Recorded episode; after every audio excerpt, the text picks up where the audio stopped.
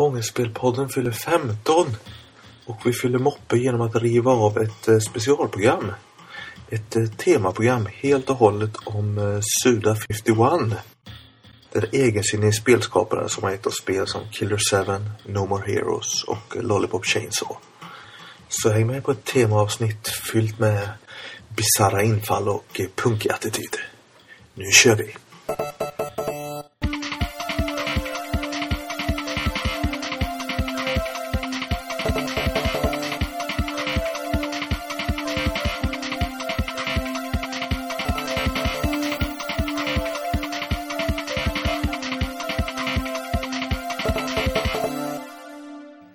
Jaha, då ska vi försöka oss på ett eh, temaavsnitt av Ångestspelpodden.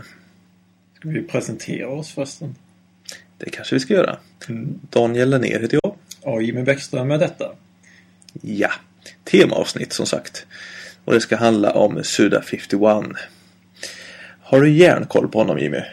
Jag vill inte påstå att jag har just järnkoll. Jag vet bara några småsaker, om han just vad det är för spel han har gjort till exempel. Eller varit med och producerat. Kan du berätta lite mer om det kanske? Det kan jag göra. Och precis som TV-kockarna så har jag faktiskt redan förberett den biten. Goichi Suda. Född 2 januari 1968. Mest känd under sitt alias Suda 51. Har ingenting med Area 51 att göra faktiskt. Hans namn låter lite som siffrorna 5 och 1 på japanska, visst. Därav smeknamnet. Suda är 47 år. Han är japansk spelproducent på Grasshopper Manufacture. De ligger till exempel bakom spel som Killer 7, No More Heroes, Lollipop Chainsaw och eh, nya kommande Let It Die. Sudas karriär tog sin början i slutet av 80-talet när han var i 20-årsåldern. Och han bytte sitt jobb från begravningsentreprenör mot ett jobb i spelbranschen. Den officiella förklaringen till det var att han tyckte att liken luktade för illa. Dessutom gillade han spel lite mer än vad han gillade döda människor. Så att, eh, ja, då fick det bli så. Spelbranschen. Problemet var att den unge mannen kunde inget om spel. Förutom att han var en ung, hungrig konsument som maniskt slukade allt som var balt. I Sudas fall var det japanska serier, animerade filmer, västerländsk skräpkultur i parti och minut, wrestling, eh, brittisk musik, new wave och punk. Han slukade allt som kom i hans väg inom dessa obskyra subkulturer. Glad i hågen gick den unge mannen till mjukföretaget Human Entertainment som på den här tiden var en stor aktör i den japanska branschen. Ett företag som skrek efter kompetent folk.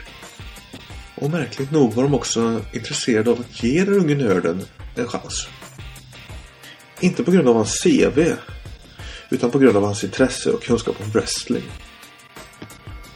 Då kan du vara med och göra wrestlingspel, sa hans handledare på Human Entertainment. Visst, guld värt. Vad ska spelet handla om? Frågade Suda.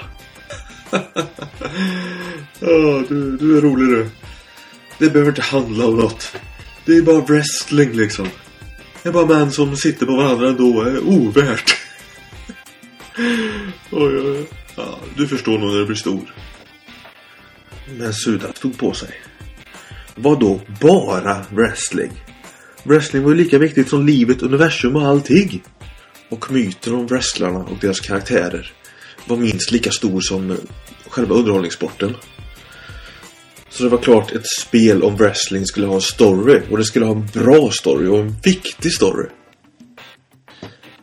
Eftersom Suda var den enda inom företaget som eh, hade den här synen på saken.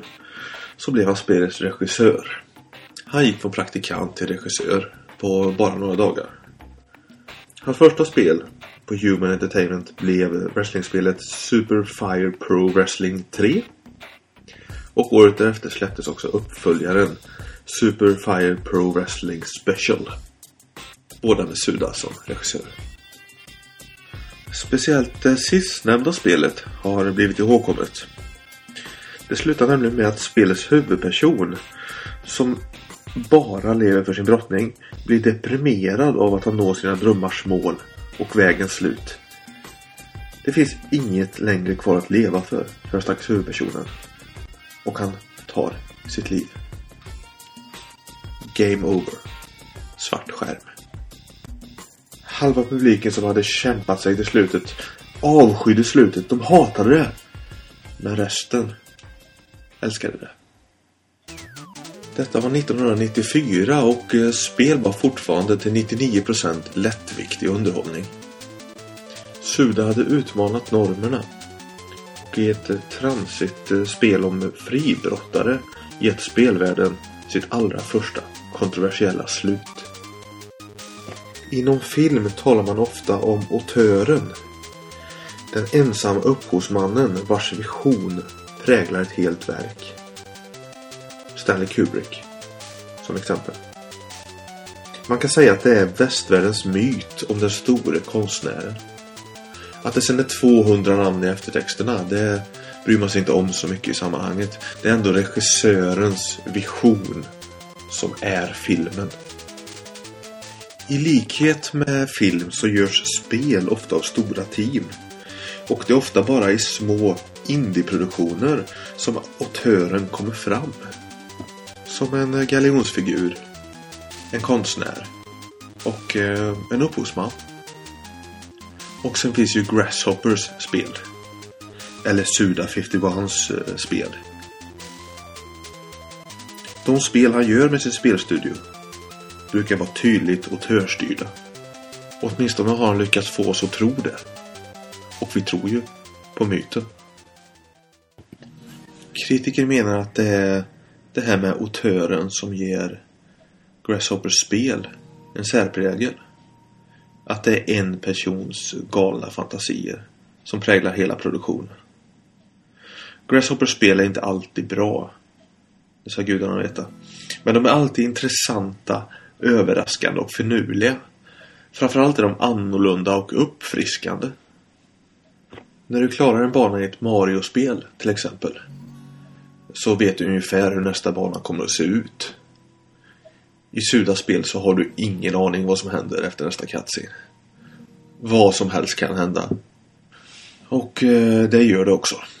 Precis som en skicklig filmregissör har Suda modet att leka med sin publik. Stundom testar och tröttar han ut spelaren för att sedan överösa henne med belöningar. Han har inga problem med att blanda pretentiösa existentiella dialoger med pubertala sexskämt. Ena stunden måste man leta på Wikipedia för att haja någon popkulturell referens. Nästa minut så får man ta fram skämskudden. Han blandar spelstilar helt hämningslöst. Button med fjäderlätta minispel. Hack and slash med rollspel. Öppna världar med sidoskrollande plattformsbanor. Det finns egentligen bara en regel. Och det är att allt som är kul ryms i Sudas påse. Fascinationen för cybernetiska kroppsdelar, wrestlingmasker, tigrar, anime, jätterobotar som rör runt i städer, stora överdimensionerade svärd eller bara snygga tjejer gör Sudas spel till muterade pojkrumsfantasier. Spel att älska eller hata. När du spelar No More Heroes tycker du att du spelar ett ganska normalt Nintendo-spel. Tills någon ringer på telefonsvararen och vill ha tillbaka en film som heter Swedish Milfs 7. Jag kommer inte ihåg om det är före eller efter en boss brötar in sjungandes på en skördetröska riktigt. Men Sudas spel tar ut svängarna åt alla håll. Högt och lågt. Att inte spelen orsakar moralpanik i Sverige beror antagligen bara på att de säljer otroligt mycket sämre än Grand Theft Auto. Dels det. Och dels att de innehåller så otroligt mycket snask och snusk så att det går liksom inte att ta dem på allvar. Det är uppenbart att Suda skämtar. Att han gör det här med glimten i ögat. Men han har också fått kritik. Hans spel har ofta beskyllts för att vara sexistiska och eh, dumma bagateller utan någon som helst substans. Och hans spel har dragits med problem. Styrningen är ofta klunkig och klumpig. Kameran krånglig och spelmomenten löjligt repetitiva. Många av spelen skulle elakt kunna beskrivas som enformiga hack and slash med roliga cutscenes lite här och där som mellansekvenser. Eller sälj grej med tjej. Inte ett enda spel har sålts utan tuttar som ett försäljningsargument. Killer 7 var lite för bra för sitt eget bästa. Det ansågs konstigt och, och sålde dåligt när det släpptes till eh, PS2 och eh, GameCube. Det var egentligen bara recensenter som gillade det. Och de, de älskade spelet i fråga. Spelarna satsade hellre på säkra kort. När spelet kom. När Suda påbörjade utvecklingen av No More Heroes, hans kanske mest personliga och särpräglade spel, så valde han först Xbox 360. Men sen styrde han över produktionen till Wii istället. När han fick se hur fruktansvärt ball Wii-motorn var och passade spelets tematik. Resultatet var att det släpptes ett övervåldsamt konstigt spel bland alla eh, pruttgulliga Nintendo-titlar. Jag köpte det och jag spelade och jag älskade det men eh, det hittade inte riktigt fram till sin publik, spelet. Dock var det en slamkrypare. Det jobbade sig upp och sålde bättre och bättre och till slut motiverade faktiskt en uppföljare. Sudas enda uppföljare i karriären. Men originalspelet fick jobba hårt på Wii. Stackars Wii räckte inte riktigt till. Det var plågsamt fult. Och fjärran den serietidningssprulande visionen som Suda hade haft. Dessutom censurerades blodet bort i Europa och ersattes med svart rök istället. Hur tänkte de? Våldet var där av en ironisk anledning. Så att det blir liksom en ironisk vurpa att censurera den typen av våld. Några år senare kom drömsamarbetsprojektet Shadows of the Damned. Och tyvärr slarvades det bort lite för att ingen hade tid och energi att slipa kontrollen till perfektion. Så här i efterhand minns man ett eh, crazy och mörkt och våldsamt spel men tyvärr minns man lite för mycket att det var spelet där man helst skulle sikta lite bredvid sina fiender för att få in en ordentlig fullträff. Inte helt bra betyg kanske. Lollipop Chainsaw är tragiskt nog det sudaspel som har sålt bäst till dagens datum. Det är tragiskt för att det är hans sämsta spel vågar jag påstå. Och för att den huvudsakliga publiken antagligen är blind för ironin i spelet. Lollipop Chainsaw handlar om en zombieslaktande cheerleader som har sin pojkväns huvud i bältet som maskot. Har man spelat Suda-spel innan så är det inte ett dugg konstigt. Det är snarare en ganska normal premiss. Problemet för Suda 51 och hans Grasshopper är att de har fortfarande inte gjort ett perfekt spel. Men man kan inte beskylla dem för att inte ha försökt. Kill your darlings är ett begrepp Suda inte förstår. Hela hans karriär har han krampaktigt kramat musten ur varenda en av sina darlings. Och ett enda av hans spel innehåller lika mycket galna idéer som tio andra. Inte alltid superbra. Men alltid, alltid underhållande. Sådär, det var lite historielektion det. Nu vet du allt Jimmy. Ja, en hel del i alla fall med just... Eh, Men du kanske visste det mesta redan eller? ja, wrestlingspelet kände jag faktiskt inte till. Det, säga. här, hans första och andra spelare. Nej, precis. Nej, alltså wrestlingspelen var ju först och sen har han gjort ett gäng ganska experimentella, ganska konstiga spel. Vill man ha en, kom en komplett spelografi så kan man ju kolla på Wikipedia, lämpligen. Vi krafsar ju bara lite på ytan i det här programmet om man säger så. Det, det finns eh, mycket mer att upptäcka. Annars för min del var ju spel som Killer 7 och eh, No More Heroes var de första Ja, just det. jag kände till. Då har han ju grundat sitt eget eh, Grasshopper där och kommit en bit i karriären. Men hur, vad, hur, hur har Grasshopper det hela med saken att göra? Vad är det för någonting de gör? Ja, det är ju det, är ju det spelbolaget som han eh, bossar kan man säga. Eh, så. Eh, jag har gjort en liten dramatisering på deras manifest. Som av en händelse. Oh, Ska, ska vi lyssna på den eller? Det tycker jag minsann.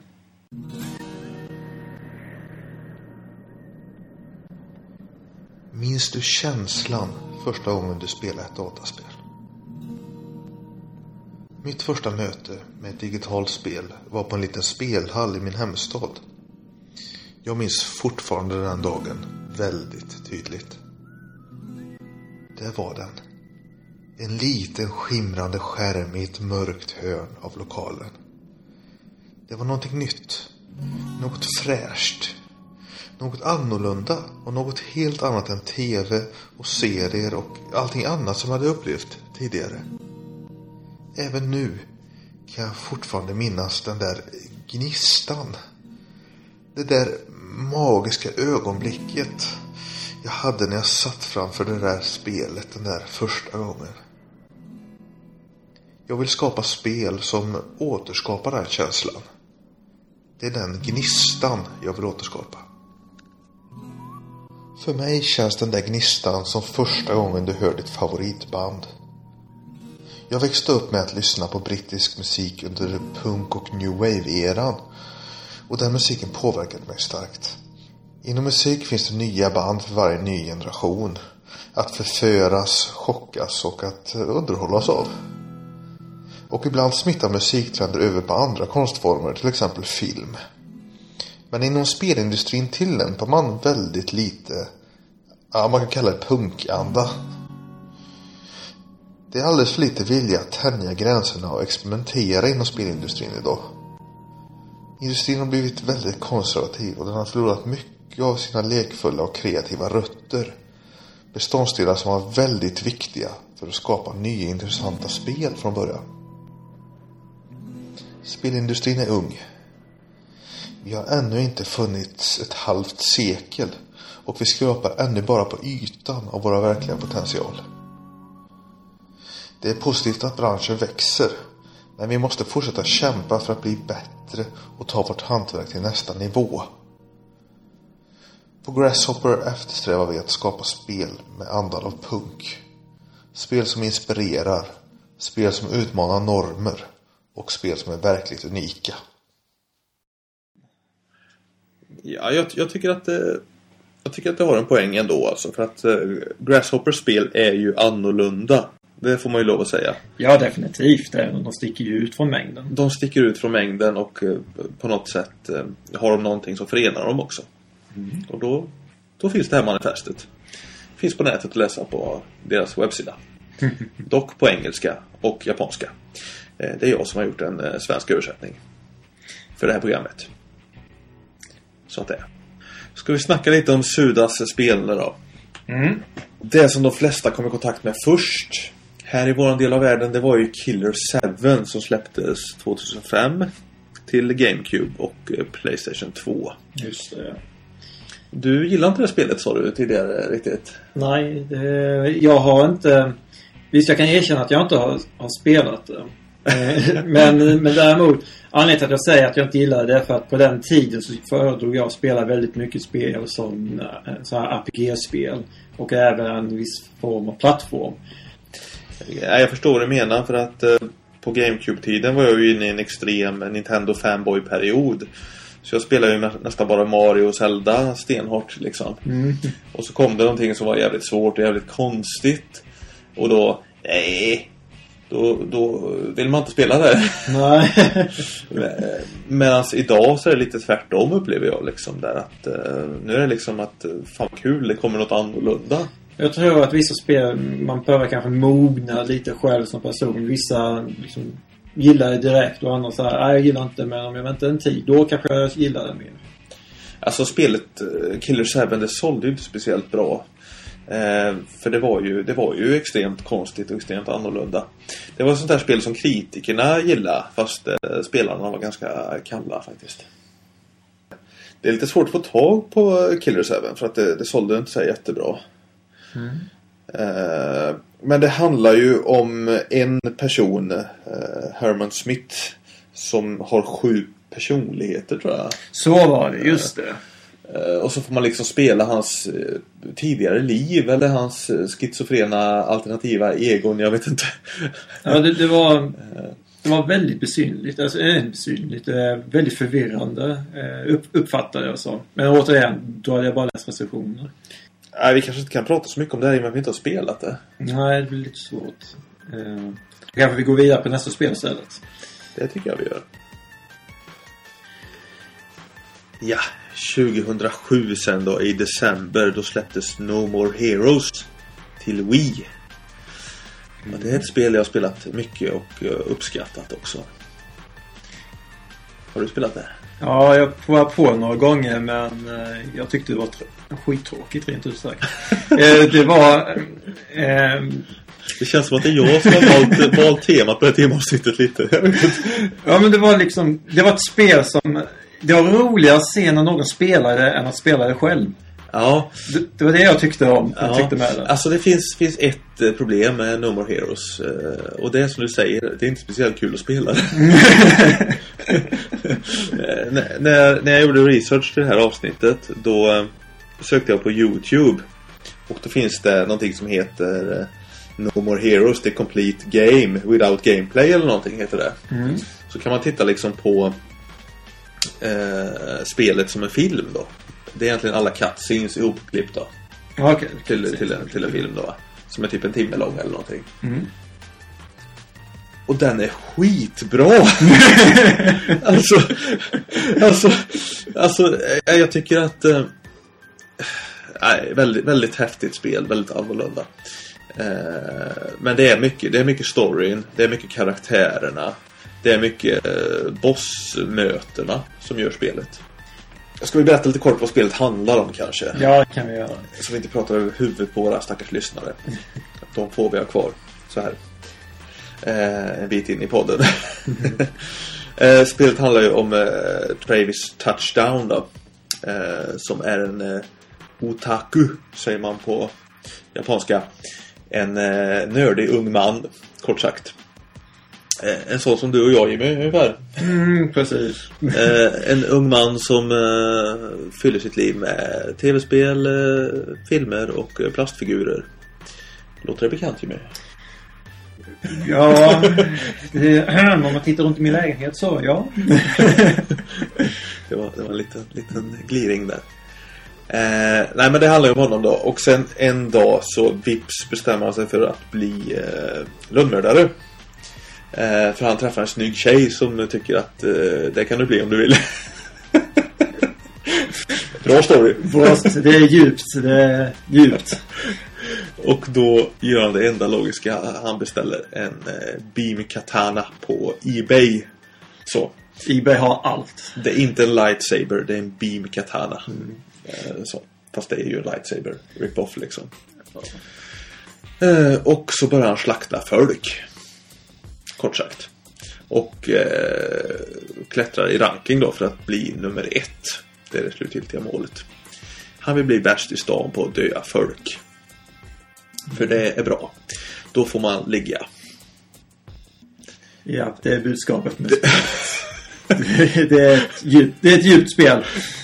Ja, men det som, det som gör det är att det är eh, Det är väldigt det är fullt med liksom så här eh, populärkulturella referenser alltså Det kryllar av dem och mycket så här små roliga detaljer Roliga idéer liksom.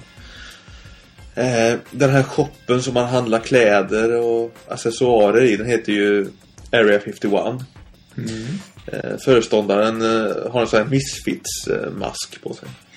Eh, anledning så. Misfits, nej. Eh, man slåss ju med sitt ljussvärd då, eh, primärt. Eh, sekundärt så slåss man med wrestling moves. Som man lär sig genom att läsa wrestlingtidningar. Ja, det gör man ju. Eh, och de heter Weekly Backdrops, de här tidningarna. Bara en sån sak. Det har jag snott och använt i mina serier faktiskt, det med Weekly Backdrops. Jag tycker det är helt suveränt med en wrestlingtidning med det namnet. Ja, det kanske varför det inte finns någon sån på riktigt. Ja, Men du har kört igenom spelet flertal gånger. Ja, ett par gånger, par tre gånger så här har jag kört igenom första spelet. Eh, som sagt, eh, riktigt, eh, riktigt bra karaktärer. Riktigt, riktigt bra bossstrider faktiskt. Alla de här bossarna i spelet. Jag kommer inte ihåg hur många det är nu. Om det är... Hur många är det? 10, 12? Eh, sju? Elva borde det vara. det var en bra gissning då. Alla de här 11 bossarna är ju liksom karaktärer man aldrig glömmer alltså. Kan jag säga. Eh, första bossstriden kommer ju rätt så tidigt i spelet. Första banan är ju en sån här tutorialbana som man springer igenom rätt så fort så här. Rätt så enkelt. Och sen kommer man till första bossstriden och bara shit, vad är detta liksom? eh, för då får man ju en sån här eh, eh, Tarantino-dialog eh, serverad. Så. Med den här kaxige nörden då liksom. Och, Men det är någonting som, som liksom följer med de övriga spelen också. Sådana här konstiga dialoger och lite annorlunda bossfighter. Så det är någonting som, ja, som man fick se mer av. ja vi, ni kommer att märka ett tema här nu när vi snackar om Sudas spel. Eh, skruvade bossfighter. Eh, dialoger och eh, lönnmördare. Ja. Vågar jag säga. det är så här. Och brudar. Ja, naturligtvis. Eh, och våld. Nej men det finns såna här eh, röda trådar helt klart alltså. Det var tänkt att det här spelet skulle kommit till eh, 360 eh, först. Eh, men sen fick Suda tag på en eh, Wiimote. Och det var lite synd att han fick det faktiskt för att eh, eh, det, det ser ju rätt bedrövligt ut alltså. Det är rätt kantigt och, fult och, hackigt liksom. Men du kan själv vifta. Ja, och den använder viftandet väldigt, väldigt smart. Alltså man slår ju med knappen och sen sätter man det här avslutande hugget med en rörelse så här. Eh, så att det är väldigt bra viftkontroll faktiskt i det här spelet. Jag tycker det är ett av de bättre spelen till Wii faktiskt. Eh, eller talat, det är så pass speciellt, eh, så pass egensinnigt eh, så att det, det är värt att spela fortfarande. Det kom ju en uppföljare sen där. Eh, också den till Wii. No Eh, More Heroes 2 Desperate Struggle. Ja. Och det är ju egentligen samma spel en gång till. Och det ligger ju både spelet i fatet och inte. Så det här överraskningsmomentet man fick eh, när man spelade ettan, det, får man inte alls när man spelar tvåan. Man vet att allt kommer att vara superskruvat. Man vet att han kommer att hyra porrfilmer och sånt där liksom. Så det, det är inte så eh, spännande längre. Jag kan säga att när jag såg eh, att det skulle komma en No More Heroes 2. Eh, jag blev väldigt förvånad för att jag visste inte att spelet hade blivit så pass populärt ändå. Nej, grejen är att, eh, att jag läste om No More Heroes där. Precis som Killer 7 så fick det skitbra recensioner. Mm. Men eh, det var inte så många som köpte det, var min uppfattning. Det var liksom ett sånt här eh, lite underground-spel, så ett liksom, alternativ titel om man säger så. eh, men faktum var att det var en sån här slamkrypare. Det sålde dåligt och det sålde dåligt och det sålde lite bättre och det sålde dåligt. Men det sålde konstant va? Hela tiden. Mm. Så att efter ett år så hade det sålt rätt så bra. Och då blev det, ja men då släpper vi en till. Ja, eh, precis. Då var det befogat att släppa en uppföljare plötsligt. Och det är det enda Suda-spel som har fått en uppföljare. Faktiskt. Eh, det har jag inte spelat färdigt. Eh, för jag sitter fast på en boss. Igen. Ja, där står det 50 motståndare. Eh, ja, fast... det, det är inte riktigt så, men... Okej, eh, det kanske jag räknar med fienden också. Samma, samma skruvade humor. Eh, samma smarta dialoger. Eh, fast i tvåan så är det minispel i retrostil. Att eh, de ser ut som så här nästspel. 8 Det är nästan det roligaste spelet låter det som då. Ja, det är skitkul att bara köra minispelen. Sen är jag svag för momentet där man ska eh, gymma katten också. eh, ha, eh, Travis har ju en katt va, i första spelet som man kan gosa med. Och det fyller ingen funktion alls. Det är bara att man kan gosa och man kan leka med katten så här. Med Wiimoten. Men sen, sen blir ju Travis framgångsrik och sådär va. Eh, och då eh, blir ju katten fet. Eh, och det är ju ett stort problem va. Så att i tvåan ska ju katten gymmas. Eh, så Gymmandet i de här spelen är ju, är ju en klass för sig också. Har du, har du varit på gymmet i No More Heroes? Eh, Jag har säkerligen varit där men jag kommer inte ihåg just nu hur det såg ut. Nej, det, det roliga är att när man kommer in på gymmet så möter man gymföreståndaren som säger Tjena Travis, ta av dig alla kläder. Och så väntar de en stund. Så här. Sådär ja, nu kör vi! det är så sjukt! Det, och, och det är därför man gillar de här spelen alltså. För att det, det är väldigt speciell humor i dem. Spelen efter No More Heroes så var det ju um, Shadows of the Damned. Ja. Det heter nästan som den här Iron Maiden-låten. Children of the Damned från Number of the Beast-skivan. Det är faktiskt ett spel som jag har spelat. Sommaren 2011 kom det. Ja, vi nördade rätt hårt det spelet, vill jag minnas. Ja. Ja, Jag har dock inte klarat av det. Nej. Eh, Jag har kommit till sista bossen och ska skjuta marshmallows men eh, eh, jag har inte tagit mig förbi honom ännu. Nej, det var likadant för mig. Jag spelade mig till sista bossen. Spelade, nötte sista bossen jättemycket. Och sen så gav jag upp liksom.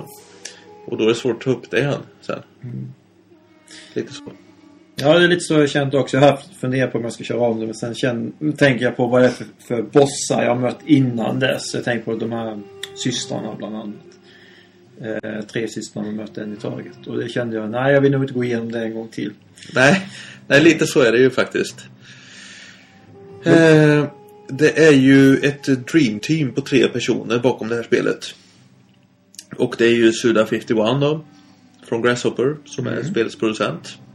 Han har satt jättemycket prägel på spelet. Det är hans spel, vågar jag påstå. Men han har med sig lite folk här med eh, snajsiga japanska namn som jag knappt kan uttala. Jag får försöka. Shini Mikami Shinji Mikami. från Resident Evil-serien. Eh, gjorde ett hästjobb med Resident Evil 4. Eh, fick det spelbart, tror jag. Eh, faktiskt. Jag tror han var designer för det. Och sen Akira Yamuka. Yamaoka. Yamaoka.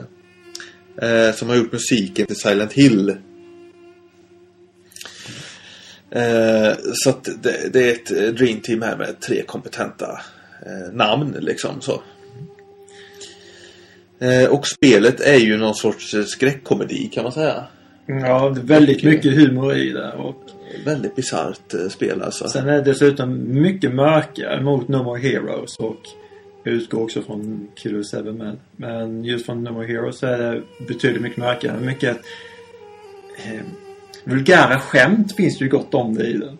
Det, det är, eh, ja det gör det absolut. Ja. Eh, det är lite... Det har liknats vid Evil Dead 2 det här spelet. Och den här Grindhouse-stilen på, Mm. på filmer så. Där man liksom gör, gör någonting lite för mycket liksom och gottar sig i gore och äckligheter och, och fanstyg så att det liksom tippar över och blir roligt istället. Mm. Ja, filmen Brain Dead har vi också Ja, naturligtvis. eh, där. Eh, så det är ju likadant här. Det är ju fullt med humor och fullt med crazy idéer. Eh, fullt med penisskämt också. Ja, som sagt, vulgär humor. Men spelet börjar med att eh, hans, hans tjej blir uh, tillfångatagen. Huvudpersonen heter Garcia Hotspur den här gången. Och är eh, fulltatuerad. Eh, ful i mun. Eh, och har en lila skinnpaj. Men hans tjej ser inte ut som något av, av det. Eller har, hon har inga tatueringar och sånt. Nej, Men... eh, men hon blir däremot uh, tillfångatagen. Varför har jag inte räknat. Det kommer jag inte ihåg. Det var så länge sedan jag spelade. nej det, är, det är väl för att hon är snygg liksom. Ja, förmodligen. Det är ju, vad, vad heter han den här? eh, Jo, han heter ju Flemming. Djävulen heter Flemming i det här Det spelet. första jag tänkt på, det, det har förmodligen ingenting med det att göra. Men det första jag tänkt på det är Ian Fleming. Nej, jag tänker på en legendarisk bokhandlare i Skövde som hade Flemmings böcker i många år. Ja. det är vad jag tänker på. Men, eh, ja, Flemming snor tjejen och hoppar ner till helvetet. Och kan Garcia hoppa efter. Ja, Tillsammans med eh, ja, sin kompanjon. Vad kan man kalla honom för? sin penis tror jag skulle säga. Ja, det, det också förvisso. Sin penisförlängare. Ja. Eh, Jansson heter ju den här brinnande dödskallen. Som pratar med djubrisk. Eh, som fungerar både som fackla och vapen. Och penisförlängare. Ja, precis. Vilket märks när Garcia dör. Ja, det är också. Men jag tänker på att när man får, får liksom det största vapnet så heter det Big Boner. Liksom. Ja, just det. Eh, så att, eh, det säger en del om, om nivån på humorn i det här spelet kanske. Eh, men eh, det är ett bra spel det här, eller vad säger du? Jo, det är ett spel som jag har kört jättemycket och jag gillar både musiken, förmodligen tack vare då Akira, och jag gillar spelläget. Däremot har jag själv väldigt stort problem med, med kameran. Eller snarare sagt med kontrollerna. Ja. För det, det är väldigt många gånger det händer att när jag spelar att eh, helt plötsligt bara vänder sig eh, gas, gasar 180 grader. Det händer mycket ofta för mig just vid bossstrider och det är ingen bra kombination. Och sen tycker jag att siktet är inte riktigt, riktigt exakt alltså. Eh, vet jag att jag tyckte. Och blev riktigt förbannad på alltså. Eh, helst ska man sikta lite förbi, lite, lite, lite vid sidan om så här för, att- för att träffa. Okej. Det är lite, lite för mycket random. Men det, det är det här alltså att eh, i Resident Evil 4 funkar det skitbra för att siktet är slutt. Och dina fiender är lika slöa. Mm. Och här, är- här är siktet slutt och fienderna snabba. Mm. Eh, det är inte riktigt, riktigt i synk. Eh, men eh, schysst spel. Eh, gillar man skräckkomedier som Evil Dead 2 eh, och, och bisarra grejer så kan man ju rekommendera det här spelet. Jag minns att man, eh, att man springer på flickvännens nakna kropp eh, ett par, tre gånger i spelet. Ja, det gör man också. Eh, Bara en sån sak. ja, bara en sån sak ja. Och sen är det mycket, det är mycket humor där i dialogerna mellan Johnson och eh, Garcia då. Och sen finns det också de här sagorna som man hittar i stora böcker och läser. Ja. Och eh, Jansson läser upp dem och både Jansson och Arcia liksom lever sig in i det. Jag tycker det är jättehäftigt och det är faktiskt det bästa i hela spelet. Jag hade gärna fått velat att det skulle vara liksom bara sånt i större delen av spelet. Och sen så blir ju spelet en shooter mellan varven också. En, eh, ett shoot 'em up. Just det ja. Det är också lite speciellt. Det är också ett tema som återkommer i Sudas eh, spel. Eh, han provar det i No More Heroes faktiskt. Där Travis sätter sig på tunnelbanan, somnar och så får man spela shooter i fem minuter tills han vaknar igen. Väldigt eh, Väldigt underhållande och eh, faktiskt ett spel som var mycket bättre än vad jag förväntade mig att det skulle vara. Det var kontrollen jag inte riktigt gillade. Ja. Nej, men det, alltså det, det är ett bra exempel på det här att eh, Sud, Suda 51 och Grasshopper ger added value, som man eh, säger inom filmen. Alltså, alltså egentligen är det ju ett ganska ordinärt actionspel. Men tack vare deras humor och deras story och deras crazy idéer så lyfter det till någonting mer liksom. Och liksom våga köra vidare på de här crazy idéerna. Än att bara, nej det kan ju hända att publiken inte gillar detta men fuck that. Så här, det kanske, har, kanske har lite för mycket penisskämt nu men det skiter vi ju lägger Ja, det men till. skit i för att det passar så bra att ha det här. och just det, eh, när man tar hälsa så är det ju alkohol. Ja. Bara alkohol. Ja, det tycker jag är logiskt. Ja, man är ju helvetet. I helvetet är det logiskt. Köpmannen är väldigt skön också. Ja, just det. Den här stora demonen är han. Ja, ja. Hallå Mike! Nej, men vänta, hur han låter? Det är en sån här konstig dialekt. ja, som inte stämmer. Ja. Och så betalar man med så vita äh, ädelstenar som han äter. Liksom. Ja. och så är det så jätteäcklig animation varje gång han äter. Vet jag, så här, skickar ner sin långa hals där de liksom sväljer de här ädelstenarna. Ja, liksom äter upp hela handen på Garcia för mig det till Ja. och med. Så liksom Garcia måste dra botten. Ungefär som en väldigt glupsk häst om man håller i socker. Det... Mm. Nej, vi får gå vidare. Vi kan snacka om det hela natten det här spelet men eh, det är inte Ja. aktuellt. Vi måste gå vidare. Och sen därefter 2012 på sommaren då kom ju ett helt annat spel på att säga. Eh, Lollipop Chainsaw. Ja, Med en tjej i huvudrollen. ja. Amerikansk cheerleader. Det är ju ett spel som är vad det heter liksom på något sätt. det, det räckte ju att man fick titeln där på det spelet och fick se en bild på den här tjejen och hennes motorsåg så förstod man ungefär hur spelet skulle vara. Och eh, det var precis så, vågar jag påstå. Mm. Eh, jag har inte klarat av det. Eh, det har du gjort. Det har jag gjort. Det finns två endings att få i det. Eh, Jag fick sämsta, som är lite trist. Men det handlar om eh, Juliet Starling, heter den här tjejen. Och hon är en cheerleader på ett amerikanskt universitet i Kalifornien som inte finns. Som är ihopadiktat, som man säger. Och eh, sen kommer det zombies. Och alla dör utom hon typ. Eh, och sen så röjer man zombies hela spelet. Man måste rädda sin pojkvän där genom att eh, dekapitera honom där. Och då får man hans huvud som en liten souvenir i bältet där som hänger med genom hela spelet. Ja, och eh, med vissa uppgraderingar så fungerar det som ett vapen bland annat. Mm. Spark, skjuter iväg det med kanon. Det är ju lite... Pojkvännen är ju lite som Jansson i det förra spelet. Ja, det Eh, definitivt. Man märker att de här idéerna recyclas i Sudas spel. Mm. Den är ju rosa, hennes motorsåg, och så har den ju naturligtvis inbyggd telefon. Ja, just det. Som varje föräldramedlem ringer och säger ja, hej. Ja, det är ju skön humor i det här spelet också, är det ju. Eh, det är det Grasshopper-spel som har sålt överlägset bäst. Så. Det har sålt eh, bra till kåta 14-åringar. Antagligen.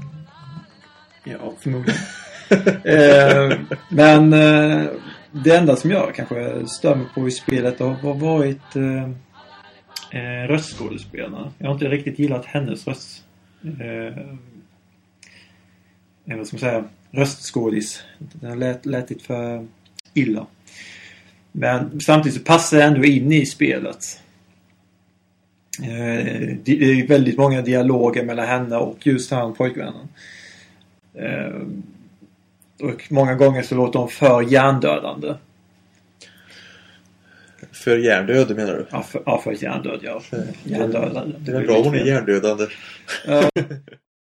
Eh, tyvärr eh, så är ju det här eh, kanske det sämsta Suda-spelet. Eh, I mitt tycke. Det är faktiskt ett av de Suda-spelen jag gillar mest. Men, men, men det ironiska är att du har sålt den nu när vi ska Ja, jag har det kvar. Jag har faktiskt ångrat att jag gjort mig av med det. Men jag har, jag har faktiskt förhandsbokningspausen kvar. Den är inramad och allt. Du kan få köpa mitt spel. Ja, men eh, Lollipop Chainsaw är ett spel som inte jag rekommenderar så här jättemycket men eh, som Jimmy verkar hålla väldigt kärt. Ja, det är ett väldigt bra spel om man vill, känner att jag bara vill slakta lite zombies. Ja, det är ju ett hack and slash och det är, är ju många av de här spelen egentligen. Om man, eh, tillsnyggade hack and slash med story och humor i. ja, om man vill döda några, några minuter så är det ett perfekt spel. Bara lägga in och sen köra igång. Då har vi ett spel kvar i högen vi skulle snacka om här. Eh, och det är ju rykande aktuellt för oss två. Vi håller nämligen på att spela det just precis nu. Ja, det står faktiskt på i bakgrunden här när vi spelar in podcasten. Jag. Eh, så. Och det är ju det här Killer is Dead som släpptes för något år sedan. Ja, 2013 var det va? Ja, tiden går fort när man har roligt. 2013 släpptes det nog. Killer is Dead heter det. Eh, handlar som Sudaspel brukar om en lönnmördare även denna gång. Eh, Mondo Zappa heter han. den här gången. Det här, det här med roliga kraftfulla namn är ju ett tema som går igen också. Och namnen säger ofta någonting om karaktären också. Eh, Mondo är ju slang för eh, stor, gigantisk, eh, jättelik. Och Zappa är ju Frank Zappa liksom. Mm. Och sen ser han ut som, jag vet inte, så här eh, snygg kille liksom, eh, kostymkille liksom. Med Så, världens bredaste axlar. eh, lång och smal och slank och, och så. Och sen har han en cybernetisk arm då. Ja. Det är också så här, också så här eh, Suda. eh, de måste ha någonting som liksom eh, bryter normen karaktärerna. De kan inte vara helt och hållet mänskliga. Hans karaktärer. ja, någonting ska sticka ut ja. Killer, Lover, Executioner står det på baksidan här av spelet. Och så är det lite brudar och eh, månsken och såna här japansk äppelblom och eh, tigrar. Som det brukar vara i Sudaspel ungefär. Ja. Eh, det är ju lite mer tyngdpunkt på romantiken i det här spelet. Eller ja, romantiken och romantiken. Pörren. Ja, precis. Eh, man ska förföra två tjejer har jag fått upp som man kan förföra. Eh, men jag får uppfattning av på arkivet att det finns en tredje. Eh, de heter ju något speciellt de här uppdragen. Eh, vad är de heter nu? Girl in need. Eller något sånt. Nej, Girls in disguise eller något sånt. Ja, det är förförelseuppdrag blandade med de mer våldsorienterade uppdragen om man säger så. Eh, och de fick ju också lite kritik när spelet släpptes där. Eh, för det här är ju sexism i sin renaste form. Alltså, eh, man sitter och tittar på en tjej. Eh, och när hon tittar bort så ska du titta henne i urringningen. Då får du poäng. Eh, och du ska titta henne i skrevet också. Då får du också poäng. Liksom så här. Och så ska du titta henne i ansiktet när hon tittar på dig. Och så handlar det om att få upp en, en mätare som man kan tolka lite som man vill då liksom. Och sen när den har gått upp till max då langar man fram en present så här. Väldigt speciellt sätt att lägga fram den också. Verkligen. Här. Så att eh, kvinnorna i det här spelet de är bara snygga och Oj. tar emot presenter. Och det är såna fjantiga saker också. Så här, här får du en jättestor paket och öppna. Vad är det? Det är ett tuggummi. Ja. Eh, och så blir de överlyckliga. Men då tänker jag som så här att eh, när man har sånt här inslag i ett spel då. Alltså den här supersexismen liksom. Att antingen, antingen så är man idiot. Eller också gör man, gör man någonting eh, medvetet. Förstår du vad jag menar? Eh, Tycker du att det funkar liksom? Ser man det som liksom parodi liksom? Eller, eller konst? Eller, eller, eller är det bara idiotiskt? Ja, det bidrar ju väl egentligen ingenting, inte än så länge, i storyn. Ehm, Men jag, jag vågar liksom inte riktigt säga om, det- om vi tar detta fallet, eh, hur det bidrar. Ehm, Jag, jag, jag, är hade kunnat, jag hade nog kunnat klara mig utan det. Det är väl lite som, eh, han ska ju vara lite som James Bond den här karaktären där liksom. Han är både en kvinnokarl och en eh, våldsmaskin liksom. Det, det är ju det det bygger på liksom. Ja, för det, det som händer är ju att när man har lyckats att få upp den här mätaren full då. Eller den här kärleksmätaren, det är två mätare. Och den här mätaren. Eh, så går han in till ett rum och sen liksom blir det klipp där första gången. Och eh, sen när man är på uppdrag så kan en av tjejerna ringa till en. Så får man gå dit och möta henne igen. Eh, och sen när man gör samma sak en gång till så får man se ännu mer det här klippet i slutet. Ja, det har inte jag fattat. Eh, så att eh, jag kan säga så här, när du gjort det den tredje gången kommer det kännas väldigt pinsamt. Ja, just det. Men det är lite... Det är också, det går igen i Sudas spel också. Vi har sett Lollipop Chainsaw. Man sitter och skäms Ja. när man spelar. Eh, no More Heroes eh, går ut på att ligga. och eh, det här spelet går också ut på att ligga. Eh, döda och ligga.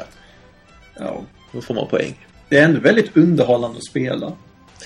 Ja, Även om jag blir väldigt sjösjuk för att mitt, huvudet på min karaktär, på, när jag spelar med Mondo, han- den går upp och ner hela tiden. det är det snyggaste Suda-spelet hittills. Eh, så. Tycker jag nog. Och då menar jag inte bara liksom grafiken utan jag menar designmässigt också. Eh, riktigt eh, läckert. Det är någon bana man går på man går på vattnet i, i månsken. Så här, liksom. Just det, drömbanan. Ja, ja, mm, vi spoilar mycket känner jag, men det skiter vi i. eh, Hela banan är typ en drömsekvens. Typ bara tre det inte så långt att gå. Eh, så. Inga fiender, ingen action. Man bara går i månsken liksom, i olika Mm. vinklar. Det var riktigt snyggt eh, upplagt. Samma första gången, första gången man kommer till månen också. Jävligt snyggt. Då, då springer man i, i slow motion. Liksom så här, på, på månytan med sån här månhjälm på sig. Sån här glasglob. Mm. på huvudet, så här, och allting går så här sakta. Så här, så, så här, schysst musik. Så här, liksom. Men det är riktigt snygga cutscenes är i spelet. Ja, Det gillar jag. och det är väl genomgående för alla de här Suda-spelen. Det här att, att de blandar liksom den här absoluta fulkulturen liksom med Mm. den här totala snyggkulturen. Mm. Kan man säga. Ja, liksom, liksom blanda det här, de här poetiska bilderna i månskenet med liksom ett eh, kukskämt liksom. nästa, nästa sekund liksom. Eh, det är faktiskt väldigt speciellt. Det händer nog bara i ett Suda-spel. Ja, det...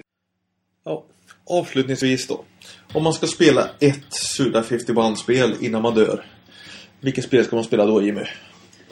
Ja, jag funderar på om det är antingen Shadows of the Damned eller Lollipop Chainsaw.